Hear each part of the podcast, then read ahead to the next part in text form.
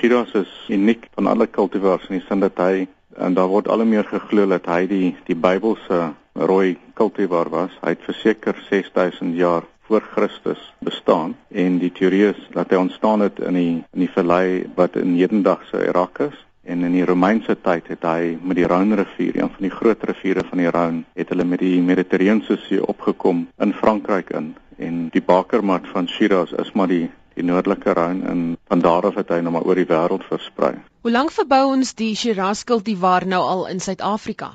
In Suid-Afrika is die geskiedenis natuurlik baie meer onlangs. Hy het tot prominensie gekom in laat 50, vroeë 60er jare. Daar was maar min produsente want die kontry hierso was Cabernet wêreld, maar wat interessant is is oor die laaste 5 na 7 jaar is dit die kultivar wat die meeste beplant word deur boere wat dinge vernuwe of vervang en veral het ons gesien kleiner produsente, die boutique tipe produsente wat uit hulle garage wyn maak of 'n klein hoeveelheid wyn maak is Shiraz 'n baie gewilde kultivar want hy's baie aanpasbaar, redelik maklik om te maak, baie gewild. En dan smaakgewys.